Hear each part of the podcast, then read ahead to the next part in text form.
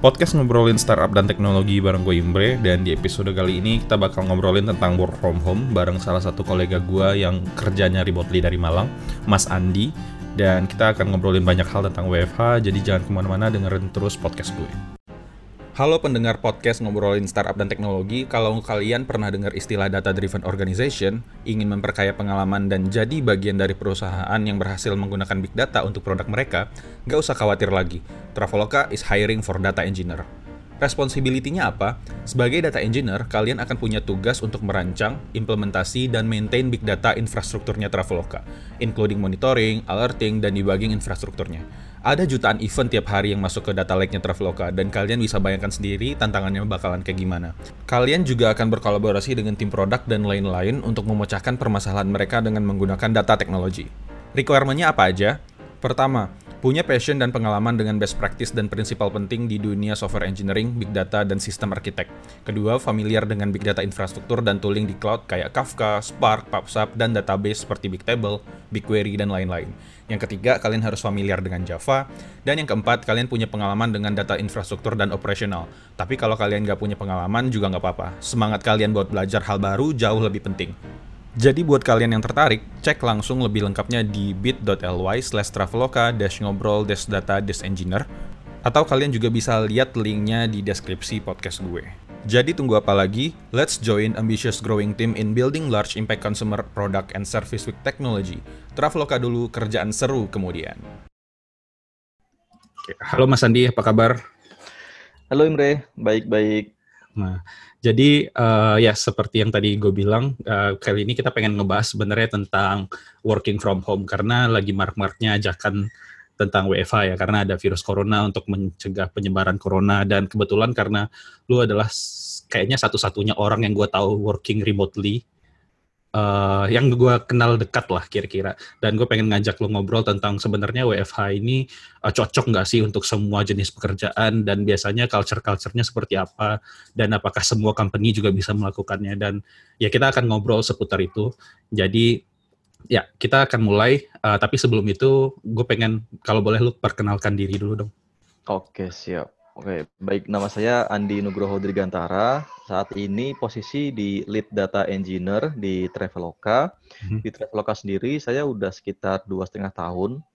Terus, oh ya, untuk working from home sendiri atau working remotely, kebetulan saya udah menerapkan ini atau udah bisa dibilang uh, melakukan ini, ini masuk tahun keempat. Jadi udah tiga tahun lebih saya melakukan uh, kerja secara remote, baik di company sebelumnya maupun sekarang di company Traveloka ini.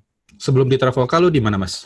Nah, sebelumnya saya di Salestalk atau sekarang udah ganti nama jadi Sorabel. Dan itu udah uh, eh, WFH juga, maksudnya remotely juga?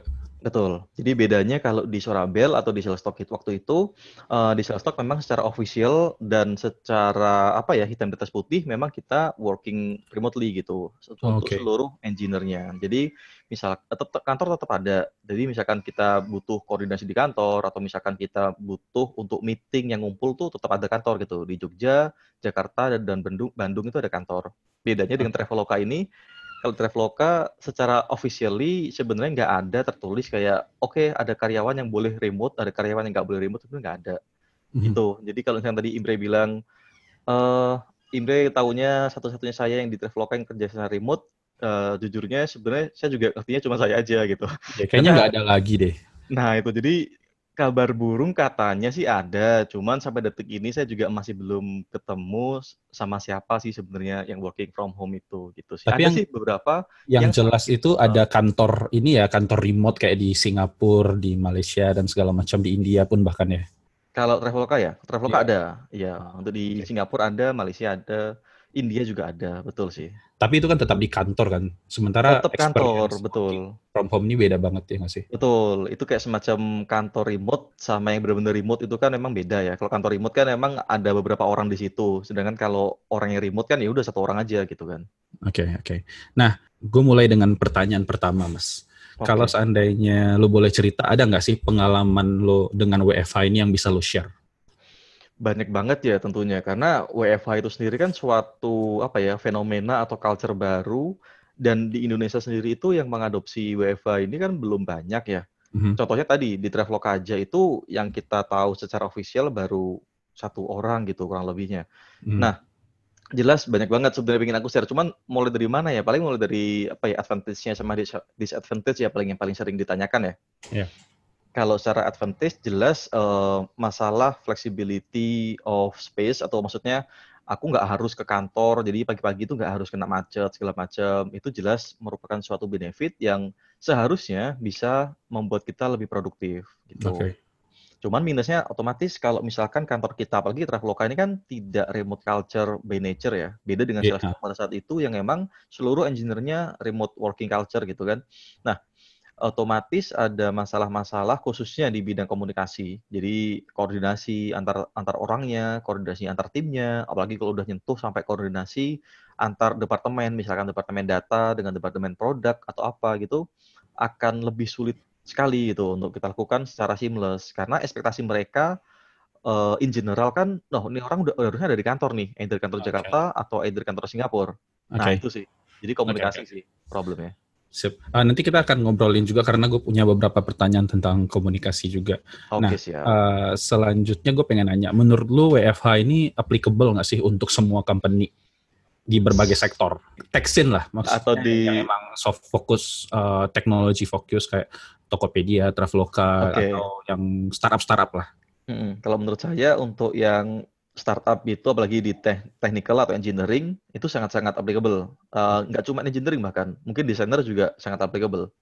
Dan nggak ada excuse sebenarnya. Maksudnya uh, kalau kita benar-benar ingin melakukan WFH atau benar-benar ingin menerapkan remote working culture itu menurut saya semua company khususnya startup ini yang di engineering sama desain minimal itu sangat-sangat bisa sebenarnya. Oke okay, oke okay, oke. Okay. Nah terus uh, menurut lo untuk bisa melakukan WFH syarat-syarat apa aja sih yang dibutuhkan? Maksudnya kayak kalau seandainya semua company itu bisa, tapi kan mereka kalau menurut gue mereka harus punya beberapa requirement nggak sih biar Betul. mereka bisa punya culture WFH. Nah, apa aja sih yang dibutuhkan di awal-awal supaya orang bisa WFH dengan nyaman gitu loh? Oke, yang pertama menurut saya bukan masalah teknis, tapi lebih kepada masalah uh, ownernya atau suatu pimpinannya tadi itu memang ingin menerapkan remote working culture untuk timnya, entah itu tim secara kecil maupun tim secara besar, misalkan seluruh engineer boleh remote, misalkan seperti itu. Jadi pertama keinginan dari si stakeholder yang lebih tinggi atau higher level uh, stakeholder ya. Terus yang kedua otomatis masalah toolingnya, karena tooling untuk uh, desainer juga udah udah ada InVision misalkan yeah. segala macam. Itu kan sebenarnya memang didesain untuk kita tidak usah bertatap langsung dengan uh, coworker kita, kita gitu. ya. Jadi kolega kita. Jadi toolingnya itu udah uh, diaplikasikan secara masif dan secara bagus itu di company-nya itu juga udah cukup gitu. Terus yang terakhir kondisi uh, apa kondisi rumah masing-masing. Ini sebenarnya di luar faktor company sebenarnya tapi tetap harus dijadikan requirement. Kenapa? Karena bisa jadi oke okay, company kita melakukan WFH misalkan. Seluruhnya seluruh engineer melakukan WFH tapi ada beberapa eh, engineer yang uh, rumahnya ini tidak kondusif. Misalkan dia masih bergantung sama orang tua misalkan dan banyak saudaranya dan saudaranya punya banyak sepupu apa dia punya banyak sepupu segala macam akhirnya berisik dan tidak ada hmm. satu ruangan khusus untuk dia bisa melakukan remote working secara kondusif misalkan. Jelas Berarti mau punya ruangan sendiri penting ya? Iya penting banget. Jelas kok kondisi kayak tadi itu mau kita paksain kayak gimana pun dia nggak bisa kerja dong ya kan? Jadi kondisi itu sangat-sangat penting. Kalau dulu di sales stock okay. misalkan, itu memang bahkan ada allowance atau suatu budget yang memang bisa kita pakai untuk dalam terkutip ngemodif lah ruangan kita misalkan kayak gitu. Ya minimal tiga tadi sih. Oke, okay. kan kita udah punya tiga hal tadi nih mas. Terus habis itu uh, tadi lu sempat ngebahas juga tentang komunikasi. Biasanya gimana sih ketika lu uh, kerja sehari-hari, lu berkomunikasi dengan tim lu yang ada jauh di sana itu biasanya kayak gimana? Oke, kalau di Traveloka aku agak, agak sedikit share. Jadi misalkan per, uh, ada muncul pertanyaan, uh, Kak, ini bakalan susah nggak sih komunikasi dari Malang ke Jakarta? Nah, saya gampang banget dengan dengan apa ngejawab. Nah, sekarang kamu sendiri di Jakarta, bosnya di Singapura, susah nggak? Kalau itu susah ya berarti sama aja. Kalau itu nggak susah ya berarti sama aja. Aku juga nggak susah. Karena bedanya cuma Malang Jakarta sama Malang Singapura gitu aja kan. Itu hmm. kalau kondisi di kantor. Tapi dari situ berarti muncul suatu apa ya muncul suatu garis bawah kalau misalkan gini berarti ekspektasi para coworkernya itu sendiri ah itu gimana jadi apakah dia udah expect kalau beberapa coworkernya itu tidak berada di satu office yang sama dengan dia gitu kalau misalkan nih seluruh oh, engineer Traveloka itu bener-bener 100% di Jakarta, cuma saya aja yang ada di Malang, aku yakin bakal itu sangat-sangat ngeganggu. Nah, tadi balik ke yang pertanyaan tadi. Jadi kalau mis- ke- sekarang kondisi sekarang itu kan beberapa memang di Singapura gitu kan. Jadi sebenarnya saya sama aja kayak orang yang di Singapura, bedanya ini cuma beda satunya ke atas, satunya ke kanan gitu. Satunya ke atas apa utara, satunya ke timur gitu aja sebenarnya. Ya, berarti orang-orang itu Hah? mesti punya ini ya, apa sih namanya, eh, ekspektasi. Ekspektasi yang sama itu intinya Oke. adalah. Nah, Nah. ketika lu kerja sendirian kayak gini remote dari Malang, sementara orang-orang kantor lu ada di Jakarta, Hmm. gimana cara caranya lu set ekspektasi sama mereka? Maksudnya kayak apa kalau lu deal-dealan dengan mereka, gua akan bales dalam waktu 5 menit, 10 menit, atau lu punya SLA-nya gitu nggak sih? Kalau sebelum kita melakukan kerjasama ada biasanya. Jadi aku bakal ngasih tahu dulu kalau oh aku rebo- apa remote lo dari Malang kayak gini gini gini. Aku biasanya Oke. kerja jam sekian sampai jam sekian. Kita kamu juga yang dari Singapura bakal ngikutin waktu Jakarta atau gimana kayak gitu. Harus di set di awal sih emang. Mm. Dan semuanya itu jadinya asinkronus banget ya. Orang nggak bisa langsung instantly dapat respon lu kalau ada apa-apa ya. Mm-mm, Untuk working remotely atau remote working culture itu memang seharusnya itu asinkronus. Cuman masalahnya kalau kantor kita tidak di set untuk working remotely, otomatis masih diharapkan adalah sinkronus kan. Nah itu Iya. kadang problemnya ada di situ. Oke. Nah, kalau seandainya orang pengen lihat nih Mas, eh, lu ngerjain apa sih, udah sampai mana, itu biasanya nge-track kerjaan kayak gitu gimana? Kalau Oke, remote. Oh, kalau engineer kan kita ya tadi ya udah pakai Git, kita udah ada Git repo-nya juga. Dari situ kan sebenarnya udah kelihatan kita sebenarnya hari ini ngajarin apa aja. Tapi kalau misalkan kerjaan kita tidak berhubungan dengan coding nih misalkan. Iya. Nah, ada beberapa tool kan oh, di laptop sendiri itu aku lupa namanya apa. Jadi yang manfaatin kamera di laptopnya, jadi dia bakal nge-capture tiap detik atau tiap menit atau apa itu, itu sebenarnya ada Oh, juga. oke. Oke, oke. Karena Jadi lu pakai itu? Enggak, jadi beberapa teman saya yang kerja di luar negeri, eh, US base misalkan atau Singapore base, dia pakai tool itu. Jadi dia bakal capture setiap 5 detik kalau nggak salah. Cuman agak sedikit tidak manusiawinya adalah kalau misalkan dia lagi lagi ke toilet misalkan, ya otomatis dia miss kan. Nah, Eh, itu iya, iya. ngaruh gitu loh. Sedangkan kalau kita berharapnya untuk remote working itu kan, ya udah kita bisa ngerjain itu kapan pun asal selesai itu misalkan. Dan kalau misalkan kita bisa punya waktu lebih, kita bakal deliver eh, lebih dari apa yang kita expect gitu misalkan. Jadi kayak Oke. semacam beyond expectation gitu. Cuman kalau kondisinya kayak gitu kan jadi kayak ada beban tersendiri yang sebenarnya unnecessary apa namanya pressure gitu kan. Iya, Itu iya. sih kurang lebihnya. Oke, oke, oke, oke. Halo pendengar podcast ngobrolin startup dan teknologi. Kalau kalian pernah dengar istilah data driven organization, ingin memperkaya pengalaman dan jadi bagian dari perusahaan yang berhasil menggunakan big data untuk produk mereka, nggak usah khawatir lagi.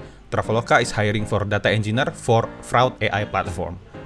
Tugasnya apa aja? Sebagai data engineer, kalian akan punya tugas untuk mengimplementasikan data pipeline yang nanti akan digunakan oleh data scientist untuk kebutuhan fraud discovery. Jadi, kalian akan merancang sistem yang menggunakan berbagai macam database, kemudian membuat aplikasi real-time streaming yang nantinya akan dipakai untuk kebutuhan training dan testing dari machine learning model. Requirement-nya apa aja? Yang penting kalian harus paham software, tools, dan trade-off apa aja yang dibutuhkan untuk berbagai macam use case. Contoh kapan mesti pakai batch dan streaming pipeline, dan kemudian apa bedanya Beam, Spark, dan SQL, dan lain-lain. Kalian juga harus familiar dengan salah satu bahasa seperti Java, Python, atau Go, dan kalian punya pengetahuan tentang machine learning model lifecycle management dan toolkits kayak Kubeflow, dan yang nggak kalah penting adalah kalian bisa nyaman bekerja dalam lingkungan yang berubah dengan sangat cepat. Jadi buat kalian yang tertarik, kalian bisa cek langsung lebih lengkapnya di bit.ly slash traveloka ngobrol ai platform dan linknya juga bakalan ada di deskripsi podcast gue. Jadi tunggu apa lagi? Let's join ambitious growing team in building large impact consumer product and service with technology. Traveloka dulu, kerjaan seru kemudian. Menurut lu WFH ini sama nggak sih dengan eh, flexible working? Hmm, kalau WFH sama flexible working itu suatu hal yang terpisah sebenarnya. Karena kalau misalkan kita bicara remote working, tapi kita set eh, waktunya itu 9 to 5 juga, itu ya nggak nggak dibilang flexible working juga. Contoh di kantor, kan tetap aja aku Hmm. kerja dari jam 9 sampai 5 juga. Karena teman-temanku di Traveloka, semuanya kan eh, kerja apa di kantor gitu ya. Jadi aku tetap harus ngikutin mereka dong harusnya. Kayak gitu. Iya, iya, iya. Berarti Walaupun bukan berarti lu kerja remote, tapi lu bisa sembarangan juga ya? Betul, walaupun eh, in reality aku juga masih sering ngerjain malam-malam gitu sih. Itu tapi suatu hal yang apa istilahnya ya? Bukan habit baik lah gitu. Karena kan teman-temanku semua uh, siang gitu kan, teman-temanku semuanya di kantor gitu kan. Harusnya aku respect ke mereka dan tetap ngikutin 9 to 5 working hour itu sih. Tapi menurut gue selama itu dikomunikasikan dengan baik, mestinya juga nggak ada masalah lah ya, ya nggak sih? Betul, betul. Harusnya nggak ada masalah. Iya, iya, iya. Ya. Ujung-ujungnya sih komunikasi lagi sih. Mm-hmm. Nah, uh, kalau uh, gue pernah baca statement kira-kira kayak gini, working from home itu is about giving a trust. Uh, menurut lo gimana? Iya, intinya di situ tadi emang. Mau dari tadi aku bicara tentang pertama mau dari higher level stakeholder-nya bla bla bla itu kan semua hmm. itu sebenarnya tentang giving a trust. Pertama trust gimana company, kalau company kan pasti bakal direpresentasikan oleh higher level management tadi kan. Yeah. Itu memberikan atau bisa trust kepada employee-nya, termasuk juga yang bawahnya. Employee itu sendiri juga tidak mengabuse dan tetap bisa uh, apa ya, megang kepercayaan itu gitu loh. Karena bakal banyak sekali celah kalau memang trackernya nggak bagus, terus uh, measurementnya nggak cantik gitu, kita bakalan sebagai employee bisa banget untuk nge sebenarnya kan. Itu yeah, sih yeah. yang sebenarnya bakalan itu yang bakalan apa sih Itu yang sering terjadi dan ditakutkan. Kenapa yes. company tidak bisa menerapkan remote atau WFA itu? Oke, oke, oke, oke. Nah, uh, gue punya pertanyaan lagi tentang uh, eh, WFH yang selama ini lo lakukan. Kalau seandainya di rumah lu kan udah punya anak juga. Gimana caranya lu menghindari distraksi-distraksi kayak misalkan tiba-tiba anak ajak main atau habis itu ada kayak apa lagi tuh sesuatu hmm, yang mengganggu. Itu gimana?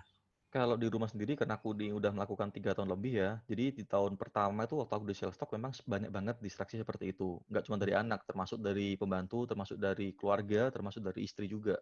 Mm-hmm. Nah, jadi kalau sekarang uh, banget ini ya, itu culture-nya udah kebentuk. Jadi memang di rumah tuh aku punya satu ruangan khusus yang namanya juga ruangan kantor gitu. Jadi kalau anakku tanya ini mau ke mana, mau ke kantor itu ya maksudnya ke sini ini gitu. Jadi memang ada ruangan khusus yang apa uh, kalau misalkan aku lagi meeting segala macam itu aku kunci. Ya contohnya oh, sekarang juga Nah, ini kan juga aku ruang, aku masuk ke ruangan itu dan ini aku kunci gitu. Jadi nggak nggak terlalu bising. Kalau misalkan aku keluar juga ini anak-anak juga lagi main gitu, pasti agak agak bising harusnya. Dan lu memberi pengertian ke anak-anak lu kalau uh, lu lagi kerja kayak gitu ya? Iya, itu harus. Nggak cuma ke anak tadi ya, termasuk ke istri, termasuk ke bantu, ke siapa pun itu. Karena oh. kadang-kala yang yang ganggu kita nggak cuma anak. Jadi iya sih. ya biasa lah di Indonesia kalau misalkan kamu ngelihat ada keluarga atau siapa yang di rumah, itu kan ekspektasinya oh dia lagi libur, oh oh atau dia lagi nggak kerja nih gitu kan. ada yang bilang pengangguran juga ya. Iya, jadi sering banget dianggap kayak oh ini orang lagi lagi nganggur kan, aku habis ini ada paket tuh tolong diambil dong kayak gitu. Terus nah, tapi kayak gitu kan banyak banget, itu kan pasti nge-distract banget kalau kita lagi kerja kan. Nah, tapi kalau sekarang oh, udah sangat sangat-sangat berkurang karena ya tadi kita udah set expectation gitu. Oke, okay, oke, okay, oke. Okay. Menurut lu dari company yang nggak uh, pernah ngelakuin WFH, terus kayak sekarang nih tiba-tiba mereka harus ngadain WFH, ngelakuin WFH karena ada virus corona dan segala macam. Berapa lama sih uh, waktu yang dibutuhkan at least kira-kira uh, untuk bisa terbiasa dengan WFH ini? Oke, ini ekspektasi saya ya. Kalau ngelihat kondisi sekarang kan yang benar-benar force major gitu kan. Jadi yeah nggak ada persiapan sebelumnya, itu jelas bakalan shock sih, bakalan kaget gitu. Terus sistemnya pasti bakalan apa istilahnya nggak mulus gitu. Karena yang biasa di kantor, koordinasi di kantor, bahkan mungkin mereka juga nyimpen apa barang-barang di kantor. Contohnya dokumen-dokumen tertentu gitu kan. Yeah, yeah, yeah. Itu udah pasti nggak bakal mulus aku yakin. Karena uh, untuk ngebiasakan itu kan nggak mungkin satu hari udah siap gitu kan pasti hmm. butuh berbulan-bulan gitu loh jadi aku rasa bakalan jadi shock culture juga sekarang ini ya ya tapi mudah-mudahan nggak berlangsung lama lah ya biar iya semoga lah semoga beres cepat lah ini oke okay. sip uh, gue udah nggak punya pertanyaan tentang WFH lagi tapi gue sekarang pengen nanya hobi lu apa sih mas hobi main game doang sih main game doang kegiatan di luar kerja gue tahu hmm. lu juga punya uh, co-working space, kemudian hmm. lu juga aktif di komunitas. Ada apa hmm. aja sih yang bisa lu share? Lu oh, apa okay. aja kegiatan di luar kantor? Oke, okay, jadi ini open sih aku nggak masalah untuk di share. Jadi di luar kantor memang aku ada beberapa bisnis sama uh, apa aktif di komunitas. Untuk bisnis sendiri aku punya coffee and co-working. Uh, Sebenarnya ini juga salah satu cara aku untuk bisa kan di ini di Malang ini kan co-working nggak gitu banyak pada saat yeah. itu. Kalau sekarang, sekarang udah banyak ya? Ya, sekarang banget memang udah banyak sih. Jadi pada saat itu nggak begitu banyak. Jadi aku sendiri butuh sebenarnya coworking kalau misalkan ada something di rumah. Contoh internet mati, listrik mati ya gitu kan. Karena rumahku kan termasuk pinggir nih di Malang. Iya, iya. Nah, jadi salah satu cara aku untuk nge-solve itu ya aku- harus harus ke coworking sebenarnya kan. Tapi karena coworking yang nggak ada, yang proper, jadinya ya udah kenapa nggak kita bikin sendiri aja. Sesimpel itu sih mikirnya. jadi, Jadi lo bikin coworking itu karena itu kebutuhan lo akan remote juga dan kemudian ya Betul. udah sekalian aja bikin oh oke oke. Betul, sama yang kedua ntar nyambung sama komunitas. Tapi sebelum ke situ aku bakal bahas lagi, aku juga ada skincare, itu salah satu bisnisku yang kedua. Sama Oh sih, ya? karena Gue baru Iya. tahu ini. serius. Yes. Jadi karena istriku kan dokter nih, dulu istriku tuh kerja di Oh, skincare eh, oke. sekitar dua tahunan. Terus kan ya sama, karena ya namanya kerja di orang itu kan pasti working hour-nya ketat segala macam gitu kan. Iya, iya. Akhirnya dia resign dan sama akhirnya yaudah ada kebutuhan untuk bikin skincare gitu. Kenapa? Karena untuk menyalurkan tadi ya eh, daripada di rumah nggak ngapain juga gitu kan. Dan dia punya apa ilmu di bidang itu ya why not kita bikin aja gitu. Akhirnya ak- aku bertiga sama teman-teman yang lain itu bikin. Jadi kita kayak semacam patungan gitu lah. Jadi skincare juga. Terus yang tadi ya terus eh, sekarang eh bukan sekarang sih maksudnya sejak aku di Malang itu emang aku aktif di komunitas IT sebenarnya. Eh, dulu itu aku aktifnya itu di Malang JS JavaScript eh, bikin workshop segala macam. Yang sekarang itu aku eh, ada namanya Facebook Developer Circle Malang. Jadi komunitas IT yang disupport secara official dari Facebook itu. Oke. Nah, ini nyambung sama coworking tadi. Jadi selain aku punya kebutuhan pribadi yang harus eh, bukan harus ya, yang kadang-kadang butuh coworking di saat-saat tertentu, beda halnya dengan si DevC tadi itu atau Facebook Developer Circle. Si DevC ini tiap bulan pasti butuh coworking juga untuk ngadain meetup, workshop atau kegiatan lainnya. Ya, jadi berangkat dari dua itu, akhirnya ya udah aku bikin aja coworking kayak gitu. Iya dan menurut gue kenapa komunitas di Malang itu jalan karena ada itu ya. Kurang lebihnya ya. Iya sih karena kalau di Jakarta kan nyari tempat relatif lebih gampang ketimbang kayak katakanlah kayak Bandung karena di Jakarta nih banyak banget company. Mm-mm. Sementara di Bandung kemarin waktu gua ngadain workshop itu susahnya setengah mati nyari company-nya. Dan menurut gue iya sih kalau gue pikir-pikir kayaknya karena ini juga nih komunitas di Malang juga bisa jalan. Aku rasa ini sih problemnya beda-beda ya, karena problem di Malang, Bandung, Jakarta lah. Anggaplah kita tiga itu aja, belum kita sentuh Surabaya, Jogja, atau Medan ya. Jadi aku- ya kita sama-sama pernah di Bandung lumayan lama lah ya, dan kita ngerti sendiri di Bandung kayak gimana culture-nya gitu kan. Aku rasa Malang sama Bandung sendiri juga beda. Di Malang itu company-nya aja bahkan nggak ada gitu. Di Bandung company-nya banyak. Cuman bedanya kalau di Malang eh istilahnya apa ya? eh, nggak apa gapnya itu makin apa kecil gap dari sisi solidaritas gitu maksudnya jadi misalkan aku bikin Oh. acara nih ya mulai dari anak SMK SMA kuliah bahkan dosen Dateng ya. Itu datang loh ke acaraku dosen loh jadi kayak bener-bener yang jaraknya tuh jauh banget gitu Oke. kalau di Bandung kan kalau kita bikin acara misalkan anak Telkom bikin acara anak ITB bikin acara yang datang paling lingkaran-lingkaran dia sendiri kan nah itu Iya, iya, betul. sedikit karakteristik yang beda dari Malang sama Bandung. Beda lagi dengan Jakarta. Kalau Jakarta aku rasa sesimpel karena udah capek di kerjaan aja. Akhirnya untuk datang ke suatu acara, apalagi kalau fisik udah terlalu ini kan, apa jauh mungkin segala macam. Ah, ah. jadi waktu udah nggak ada. Jadi problemnya beda-beda sih aku rasa. Dan Iya, kita iya, harus iya. ngerti juga problem kita di daerah kita apa dan itu yang kita solve gitu. Jangan sampai kita eh, adopsi suatu sistem dari luar negeri atau luar kotanya yang benar-benar mentah-mentah diadopsi gitu kan. Itu pasti nggak akan work sih. Ya, ya, ya. Dulu gue pernah ingat lu eh, Malang ini juga salah satu kota yang aktif ya, ya nggak sih di DevC kalau nggak salah. Kebetulan Malang itu devsi pertama kali di Indonesia emang di Malang memang. Jadi Oke. iya, jadi dan dari sisi KPI kita kan ada measurement juga ya. Kita punya monitoring apa aktivitas segala macam itu dan alhamdulillah setelah eh, dari 2017 sampai sekarang itu Malang selalu di posisi at least top 5 lah secara Mhm. global. Jadi nggak- Gokil. cuma di Indonesia ya, glo- apa Top top 5-nya itu di global. sih. Iya. Luar biasa memang. Oke, oke, oke. Dari gua itu aja, gua nggak punya pertanyaan lagi Mas Andi. Thank you banget udah mau ngobrol. Akhirnya kita punya waktu ya setelah sekian lama kita rencanakan. Bahkan kemarin ketika gua sempat ke Malang pun kita nggak jadi rekaman gitu ya. Iya bener juga. Tapi kemarin tiba-tiba gua kepikiran, wah lagi corona, lagi musim-musimnya WFA, ya udah sekalian ini topiknya Betul. WFA. Topiknya pas banget nih ya. Iya benar. Eh, it- Oke itu aja. Thank you sekali lagi Mas Andi buat semuanya teman-teman yang eh, punya masukan, feedback atau pertanyaan dan punya rekomendasi juga siapa speaker berikutnya yang mau gue ajak ngobrol. Silahkan mention gue di Twitter @imbrenagi. Makasih buat yang udah dengerin. Eh, sampai ketemu lagi di episode berikutnya. Assalamualaikum warahmatullahi wabarakatuh. Makasih Mas Andi. Siap.